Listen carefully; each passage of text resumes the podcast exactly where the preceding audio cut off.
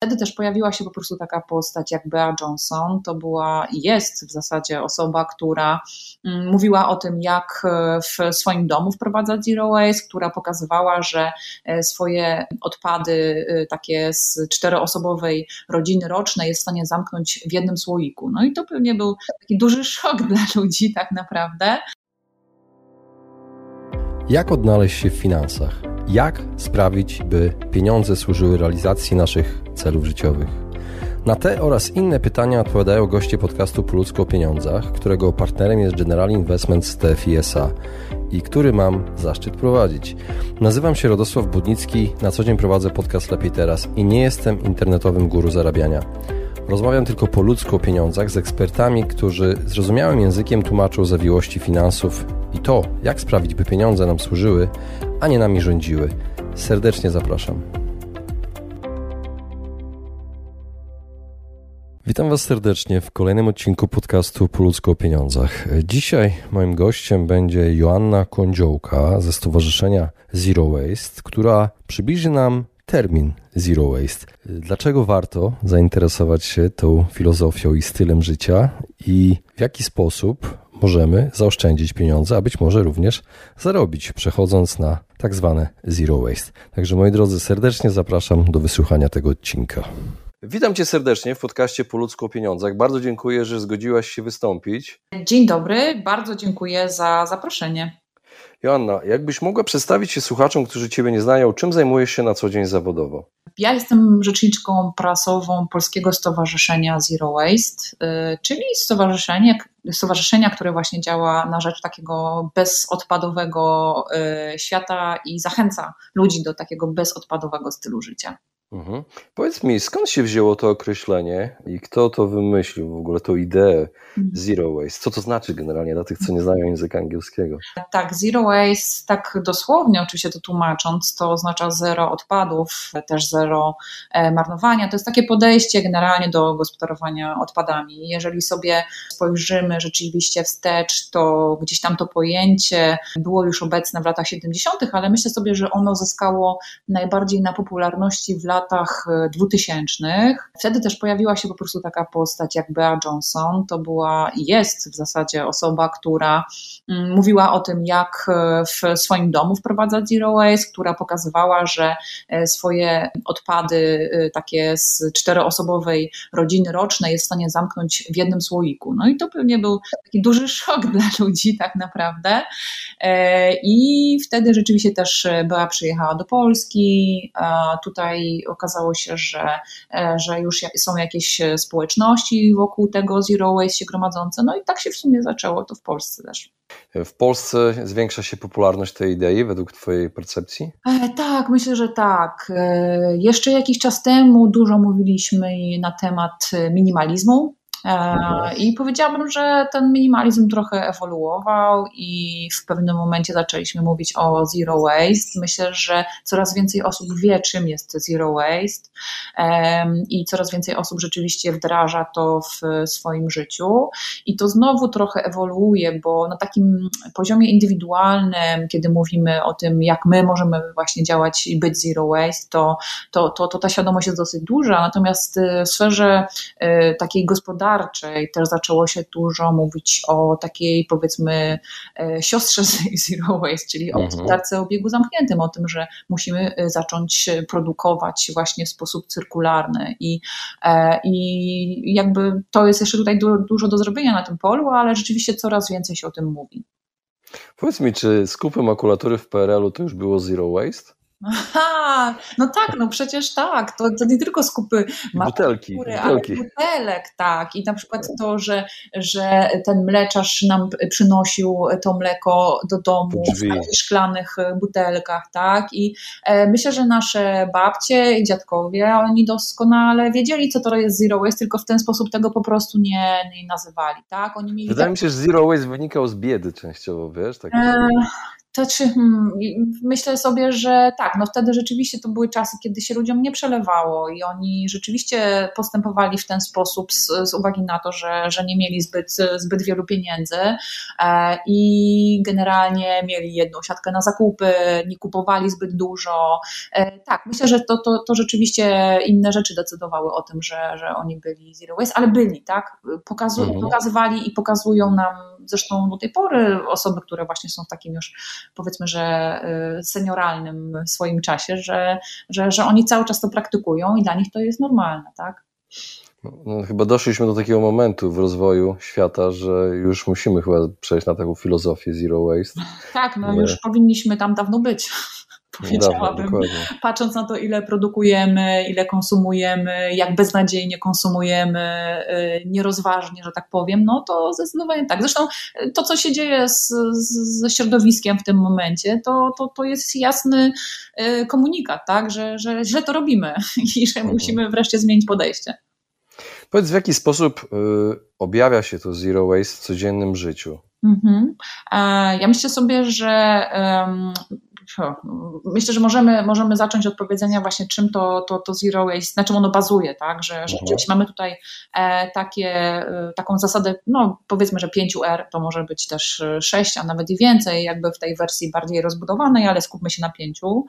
E, I to, to 5R to jest z języka angielskiego refuse, reduce, reuse, recycle i rot. Po polsku to będzie mm, takie pięć zasad, które rzeczywiście jak wdrożymy w swoim życiu, to będziemy mogli mówić o tym, że, że rzeczywiście y, no, jesteśmy przy blisko, blisko zero waste, tak, czy jesteśmy zero waste. I tutaj chodzi o rzeczywiście to, żeby zastanowić jeżeli coś kupujemy, czy naprawdę tego potrzebujemy i jak tego nie potrzebujemy, to po prostu odmawiać jakby przyjmowania, czy przyjmowania, czy właśnie kupowania różnych rzeczy. Czy to refuse? refuse czyli to jest refuse. Reduce to jest ograniczanie, tak, czyli, e, czyli generalnie to, że, że znowu zbyt wielu rzeczy nie, nie, nie potrzebujemy, e, a to, co mamy, powinno nam wystarczać i to też jest to, że wcale nie musimy nabywać wszystkiego w opcji jednorazowej, tylko, e, tylko możemy po prostu mieć różne rzeczy właśnie w tej wersji wielorazowej.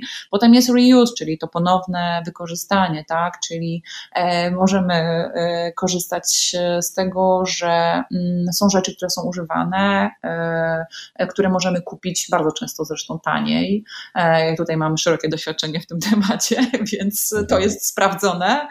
E, to wykorzystanie ponownie tak, to jest, to jest bardzo ważna, ważna zasada. Potem mamy to recycle, czyli recykling, ale tutaj musimy pamiętać o tym, że e, myśmy ten recykling troszeczkę na pierwszym miejscu postawili w pewnym momencie, trochę zapominając o tym, że, że to nie jest najlepsze rozwiązanie. Oczywiście ono jest, ono jest ważne, żeby jakby nadawać rzeczom drugie, trzecie życie i tak dalej.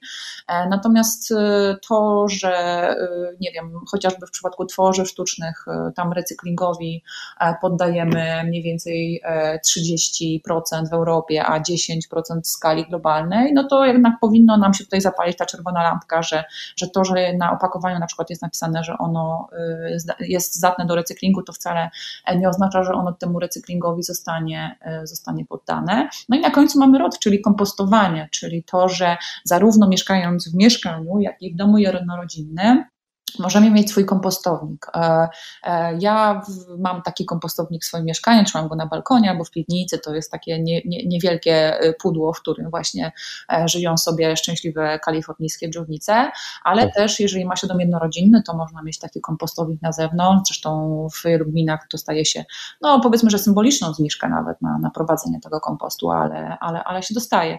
Więc takie zero waste w codziennym życiu to jest postępowanie wedle tych zasad i takie bardzo właśnie powiedziałabym, powiedziałabym, minimalistyczne podejście, takie rozsądne po prostu konsumowanie, tak? Mhm. Powiedz mi, czy para młoda, która odmawia kwiatów i prosi, żeby przelać na przykład pieniądze na jakieś, nie wiem, e, prezent albo na jakąś fundację, to, to, to jest właśnie element refuse? E, to jest wspaniałe. Ja w ogóle bardzo, bardzo jestem zadowolona, że ludzie w ten sposób myślą i powiedziałam, że to nie tylko w przypadku pary młodej to może się sprawdzać. Ja na przykład w pewnym momencie powiedziałam rodzinie i znajomym, słuchajcie, nie chcę dostawać prezentów, tak? Mam urodziny, mogę je obchodzić, ale nie dawajcie mi prezentów, bo ja naprawdę nic nie potrzebuję, a jak coś potrzebuję, to sobie to kupię. E, więc e, to takie całe podejście, że jak ktoś coś świętuje, to, to, to, to trzeba mu dać jakiś prezent, to myślę, mhm. że, e, że mo moglibyśmy to podejście zmienić. A taka właśnie para, która, która rzeczywiście mówi, nie dawajcie nam kwiatów, które a przejechały nie wiadomo ile, nie wiadomo skąd, które zaraz zwiędną, bo najczęściej są cięte i będziemy mieć krótką i małą pociechę z tego, że, że je dostaniemy, a w zamian za to pomóżcie jakimś psiakom, e, no to uważam, że, że, że jest to bardzo, bardzo fajne podejście, właśnie wpisujące się w te, w te zasady zero waste. E, powiedz, jak przeciętny pracujący człowiek może e, prowadzić dom bez odpadów? Hmm. Myślę sobie, że taki dom bez odpadów, to można by było, e, że tak powiem, tę całą historię zacząć e, od tego, żeby zajrzeć do swoich e, koszy na odpady. Mamy ich kilka w domu i zobaczyć, co tam w nich się znajduje. W tym sensie, żeby po prostu zrobić sobie taki przegląd i spróbować się zastanowić nad tym, co z tego, co w tych koszach się znajduje, jest nam naprawdę niezbędne, a co moglibyśmy gdzieś tam E, gdzieś tam podmienić. I ja bym powiedziała tak, że, że jest takich kilka rzeczy, które naprawdę można wprowadzić bardzo szybko. E, jeżeli chodzi o opakowania, to powiedziałabym, że bardzo łatwo jest się przestawić z kupowania wody mineralnej w butelkach plastikowych na e, butelkę, do której będziemy nalewać wody z kranu albo wody przygotowanej, jeżeli ktoś ma jakieś wątpliwości. A filtr na przykład, filtr, bo ja kupowałem kiedyś zgrzewki. Wody i stwierdziłem, że nie chce mi się tego nosić, kupiłem filtr i tylko z kranu nalewam przez filtr. To w zależności od tego, gdzie mieszkamy, bo ja na przykład w Krakowie y, mam bardzo dobrej jakości wodę z kranu, więc nie uważam, mhm. żeby, żeby takie filtry były, były potrzebne. Może ewentualnie takie, które... No bo też je się wyrzuca, prawda? Są plastikowe. No właśnie. Znaczy, hmm, są też firmy, które zbierają te filtry i deklarują, że je przetwarzają, ale mówiąc szczerze, to trzeba by było naprawdę zagłębić się w temat i sprawdzić, ja, w jaki sposób to jest przetwarzane mhm. y, i w jakim zakresie, że czy, że, czy rzeczywiście to, to, to ma sens, a nie jest po prostu jakąś taką e, pustą deklaracją. E, natomiast myślę sobie, że to, to jest tak, to jest taka jedna z tych rzeczy, z której możemy zrezygnować. Jeżeli chodzi o na przykład e, środki mm, takie, którymi sprzątamy mieszkanie, czy środki higieny w naszym domu, które, które znaczy po prostu których używamy na co dzień, to myślę sobie, że z bardzo wielu detergentów moglibyśmy po prostu zrezygnować na rzecz octu i, e, i sody oczyszczonej, tak? Bo zresztą to w internecie można w bardzo wielu miejscach znaleźć informacje na temat tego, jak e, o octem czyścić szafki czy lustra, albo w jaki sposób zrobić sobie sody oczyszczonej i płatków mydlanych taką pastę ala do czyszczenia wanny czy umywalki. Jest to super prosta rzecz do zrobienia. Te rzeczy można kupić na wagę, e, no, na przykład w sklepie Zero Waste, tak? albo po prostu przez internet i, e, i takich środków używać e, i dzięki temu myślę sobie, że, że pozbyć się właśnie wielu takich różnych właśnie opakowań. Podobnie jest ze środkami higieny. Ja od lat stosuję na przykład mydło w kostce, szampon w kostce. Po pierwsze jest to wydajne, po drugie nie generuje tak wielu po prostu opakowań jak, jak te środki, które są w plastikowych opakowaniach. No a oprócz tego, jeżeli chodzi o taki dom e, bez odpadów, ale to taki dom zero waste, też e, ja bym powiedziała, że tutaj ważne będzie to, żeby znowu wrócić do tej zasady 5R i spojrzeć na nią właśnie w taki sposób, czym to, co kupujemy do domu, rzeczywiście jest nam potrzebne, e, czy musi, jeżeli co jest nam potrzebne, to czy musimy kupić to nowe, czy możemy kupić używane, ale z drugiej strony ważne jest też to, żebyśmy kupowali rzeczy, które są trwałe, które są naprawialne, które, które rzeczywiście nie będą e, takimi przedmiotami jakiejś takiej niepewnej e, przyszłości, czy, czy niesprawdzonej właśnie użyteczności, tak? bo będziemy mieć jakieś takie widzimy się, że coś tam sobie kupujemy. Więc, więc myślę sobie, że od małych tych odpadów, które generujemy poprzez te całkiem duże właśnie jak elektroodpady, no to tutaj jest bardzo dużo do zrobienia i myślę sobie, że po paru miesiącach znowu możemy zajrzeć do naszych koszy na odpady i zobaczyć na przykład, że w znacznym stopniu ta ilość tych odpadów po prostu się się zmniejszyła. Mhm. A znasz takie osoby, które poszły tak daleko, że już myją naczynia piaskiem nad rzeką? nie, nie, nie znam. E, na pewno takie są. E, ja jestem blisko. Bo mieszkasz nad Wisłą, więc może. Ale nie, nie. Ale cię zamknął za jeszcze, jeszcze nie próbowałam piaskiem, przyznaję, ale, ale myślę sobie, że e, myślę sobie, że e, to jakby też pewnie jeszcze będziemy o tym rozmawiać, ale e, też trzeba wiedzieć, gdzie postawić granice. No jest to bardzo trudne, myślę sobie. Myślę sobie, że jest to bardzo, bardzo, bardzo trudne, znaczy bardzo, jest to trudne dosyć, tak, bo, bo mam takie poczucie, że na początku z tym zero waste jest nam bardzo fajnie i bardzo prosto, tak? Czyli na zasadzie, a tu sobie kupimy butelkę na wodę, tu sobie kupimy kubek na kawę, mamy oczywiście tryliard y, różnych siatek, takich wielorazowych na zakupy, więc jest super. Kupimy sobie właśnie to mydło w kostce, czy ten szampon y, i tak dalej. Natomiast y, E, natomiast e, jeżeli zaczniemy wchodzić głębiej, to może rzeczywiście zacząć się robić dużo trudniej w tym sensie, że jeżeli otworzymy swoją lodówkę i zobaczymy, ile tam rzeczy na przykład jest zapakowanych w plastik, to, mhm. to zajmie nam trochę czasu, żeby znaleźć też odpowiednich dostawców, że tak powiem, e, którzy nam zagwarantują to, że będziemy mogli kupować rzeczy na przykład bez opakowań, tak? Bo myślę sobie też, że, że to zero waste to, jest, to ma też taki właśnie mocny środowiskowy kontekst, tak? że, że te nasze odpady, które, które, które produkujemy, to, e, to one jednak mocno zanieczyszczają środowisko, więc, więc to też e, zakup jakichś kolejnych nowych rzeczy, to, to trzeba siebie, to trzeba sobie w głowie też trochę poprzestawiać, tak? że naprawdę są rzeczy, których nie potrzebujemy, e, i myślę sobie na przykład, że w moim przypadku po tych w sumie pięciu latach, tak, kiedy, od czasu, kiedy, kiedy stwierdziłam, że, że, że ta ścieżka Zero Waste jest moją ścieżką, to, e, to, to, to, to myślę, że naprawdę zrobiłam ogromny progres w tym zakresie i mm, myślę sobie też, że, e, że no też z drugiej strony dużo jeszcze rzeczy przede mną, tak? ale, ale, ale no są wymierne, wymierne efekty, wymierne korzyści E, a grani- jeżeli mogę jeszcze wrócić do tej granicy, no granicę sobie tam trzeba w pewnym momencie rzeczywiście postawić taką, że, że musimy się gdzieś tam komfortowo z tym wszystkim czuć i nasze otoczenie też musi się z tym komfortowo czuć. Mhm. Także nie możemy no, jakoś super pre, pre, pressingować tego, tego otoczenia. E, ja to na początku trochę robiłam, a potem stwierdziłam, że okej, okay, dobra, to może spróbuję inaczej, że na zasadzie takiego podejścia, że to my jesteśmy gdzieś tam przykładem, czy też staramy się być przykładem, a inni jak zobaczą, że to jest fajne i, i to rzeczywiście ma, ma przełożenie na, na, na środowisko, czy na nasz budżet, czy na nas samych, e, to, to może oni za tym pójdą. No i mnie się to na razie dosyć jakoś tam sensownie udaje. Czy dla mnie granica jest tam, kiedy ktoś już przestaje brać prysznic? To tak. Albo e, prać ubrania. Tak, dokładnie. E, ale to można, jak powiedziałem, nad rzeką, kamieniem. Ale czy można właśnie zacząć od tego less waste, bo też gdzieś czytałem w internecie mm -hmm. takie określenie less waste, mm -hmm. mniej odpadów, mm -hmm. potem przejść na to zero waste. E, to znaczy, no powiem tak. E, czy od razu? Myślę, że nie ma co się rozdrabniać. E, myślę, że tak naprawdę bycie takim zero waste, no to, to, to się nie da w dzisiejszych czasach. To rzeczywiście trzeba by gdzieś tam żyć, nie wiem, w lesie, chodzić w jutowym worku i, i, i, i się kąpać w rzece, a wiadomo, że no nie na tym polega nasze życie nie, nie tak wygląda nasze życie, więc myślę sobie, że ja bym wolała przyjąć takie mm, podejście, że gdzieś tam to zero waste jest naszym celem, i my w tym e, kierunku po prostu podążamy, tak? I e, fajnie było, gdybyśmy jak najbliżej tego, tego, celu, e, tego celu się znaleźli.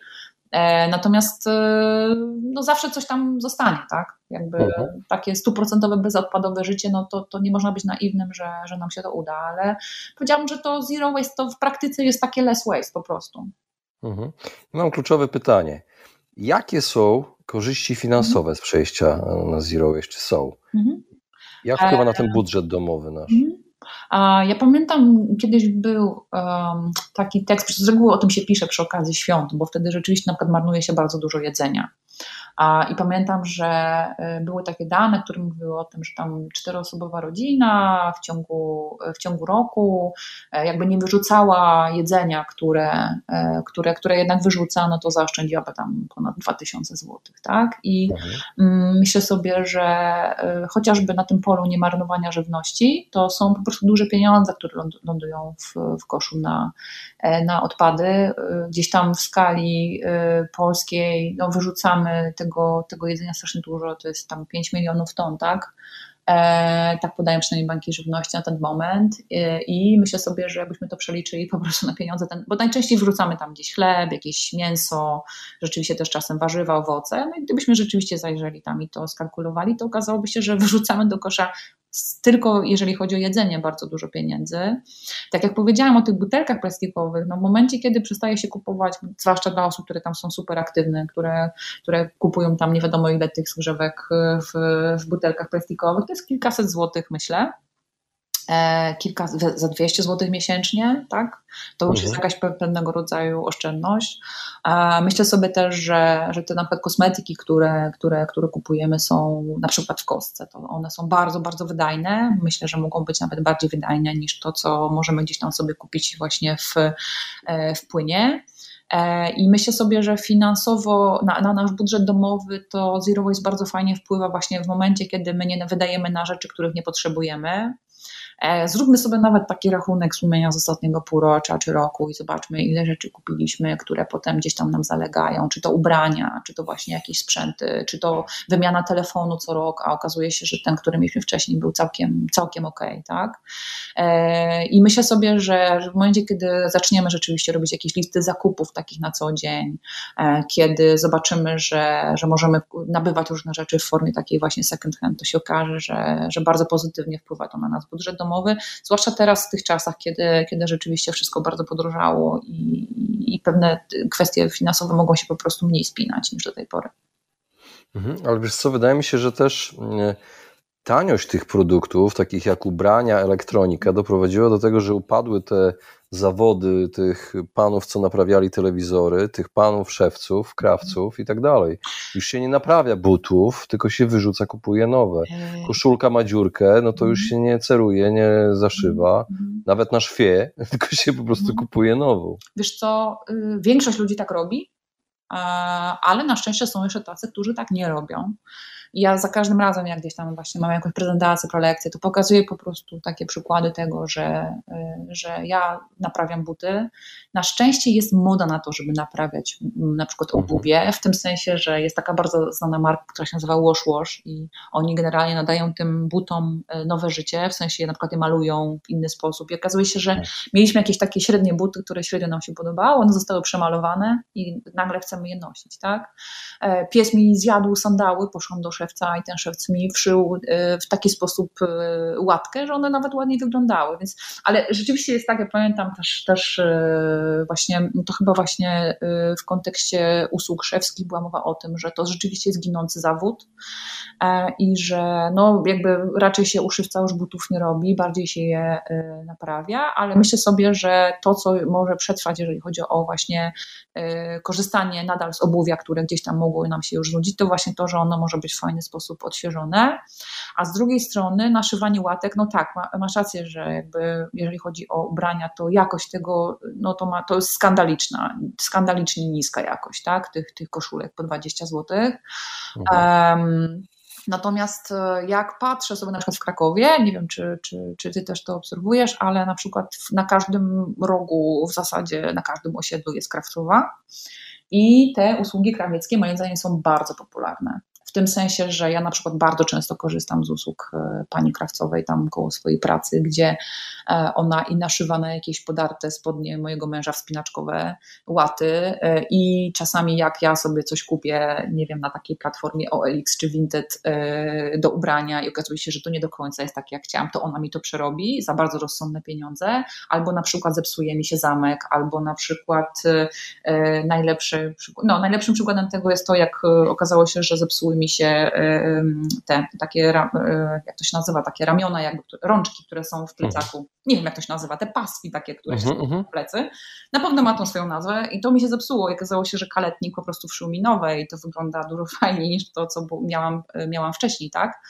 E, więc myślę sobie, że tak, fajnie by było, gdyby, gdybyśmy jednak pozwolili tym, e, tym zawodom istnieć. Na szczęście fajne jest to też, że, że tworzone są takie mapy rzemieślników i w Krakowie, i w Warszawie takie są. W Krakowie nawet się buduje. E, ja muszę, mogę też zachęcić, jeżeli mam nadzieję, że mogę zachęcić do skorzystania z, czy też sprawdzenia naszej mapy Zero Waste, na której właśnie takie biznesy less waste, czy właśnie Zero Waste promujemy. To może podaj stronę dokładnie. www.mapazerowaste.pl Razem pisane Zero Waste, bez myślnika. Bez myślnika, tak. Mapa okay. zerowaste.pl i e, w tym momencie już mamy chyba ponad 1300 takich obiektów w całej Polsce, a bardzo zachęcam do umieszczania takich miejsc i te osoby, które korzystają i te, które mają takie biznesy, no bo dzięki temu nie tylko w tych dużych miastach mam nadzieję, ale też w tych mniejszych ludzie zobaczą, że czy serwis jakiś naprawczy, czy właśnie usługi krawcowej, czy kawa do własnego kubka, czy jedzenie do własnego pudełka, że, że są takie biznesy, które to oferują, a może jeszcze nie wszyscy o tym wiedzą. Mhm. Wiesz co, ja nie jestem z Krakowa, mieszkam prawie 600 kilometrów od Krakowa, ale jak byłem w Krakowie, to uderzyło mnie jedna rzecz, szczególnie na Kazimierzu. Ilość sklepów y, second handów, to mhm. jest to używaną odzieżą, po mhm. prostu poraziła mnie, tak dużo tego jest. Y, to ma jakiś element y, tej kultury chyba zero waste. I, I właśnie to się wiąże z następnym pytaniem, czy da się zarobić na zero waste? Nie tylko oszczędzić? Hmm, myślę sobie, że hmm, możemy to potraktować albo tak super, hiper dosłownie, w tym sensie, że prowadzę sklep Zero Waste, który rzeczywiście sprzedaje na wagę, bez opakowań i tak dalej. I e, takie sklepy są, jest ich coraz więcej. Nie jest ich jakoś super dużo, rzeczywiście są w większych miastach, ale są. Natomiast tak nie dosłownie, e, to e, myślę sobie, że e, trzeba mieć świadomość tego, że jeżeli prowadzimy jakiś biznes, to z jednej strony y, klient y, szuka takich produktów, które no nie są jakby ściemą eko, tylko naprawdę są eko, czyli takie właśnie też w kontekście tym środowiskowym, tak, że, że moja firma dba o środowisko, mój produkt jest przyjazny dla środowiska, a z drugiej strony, że y, też teraz są i będą powstawać takie przepisy, chociażby na terenie Unii Europejskiej, które pewne biznesy będą promować, pewne rozwiązania będą promować, a inne wykluczać. Więc myślę sobie, że jeżeli myślimy długoterminowo o naszej działalności, jeżeli mamy jakiś biznes, to y, już nie możemy myśleć tylko i wyłącznie o tym, że stworzę jakiś produkt i na nim zarobię, ale jeżeli stworzę produkt, który właśnie jest taki y, w duchu zero waste, czy w duchu, w duchu właśnie gospodarki o obiegu zamkniętym, to ja mam większą szansę po prostu, że na nim zarobię tak właśnie długoterminowo.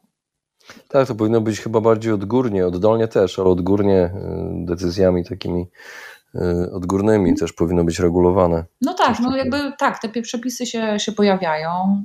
Y, coraz więcej jest mowy o tym, że, że nie możemy też na przykład chociażby produkować wszystkiego z pierwotnego plastiku, tylko, y, tylko musimy, jeżeli tworzymy jakieś opakowania na przykład. Z recyklingu. Mhm. Tak, że, że mamy ten komponent właśnie pochodzący z recyklingu, że musimy skupić się na czymś takim jak ekoprojektowanie, czyli tak projektować swoje produkty, żebyśmy na przykład mieli najmniej, jak najmniej tych odpadów, które nam zostają, żeby to były takie produkty, które, które właśnie są, są z jednej strony trwałe, a z drugiej strony na przykład są, y, są lekkie w transporcie. No dużo jest tutaj bardzo tych, tych, tych czynników, ale to jest przyszłość, tak, która się w zasadzie dzieje już teraz i, i tak jak mówię, po prostu trzeba, trzeba śledzić te, te trendy, czy też te przepisy, bo, bo można po prostu zostać wykluczonym i wtedy już jakby nie będzie się wcale zarabiać.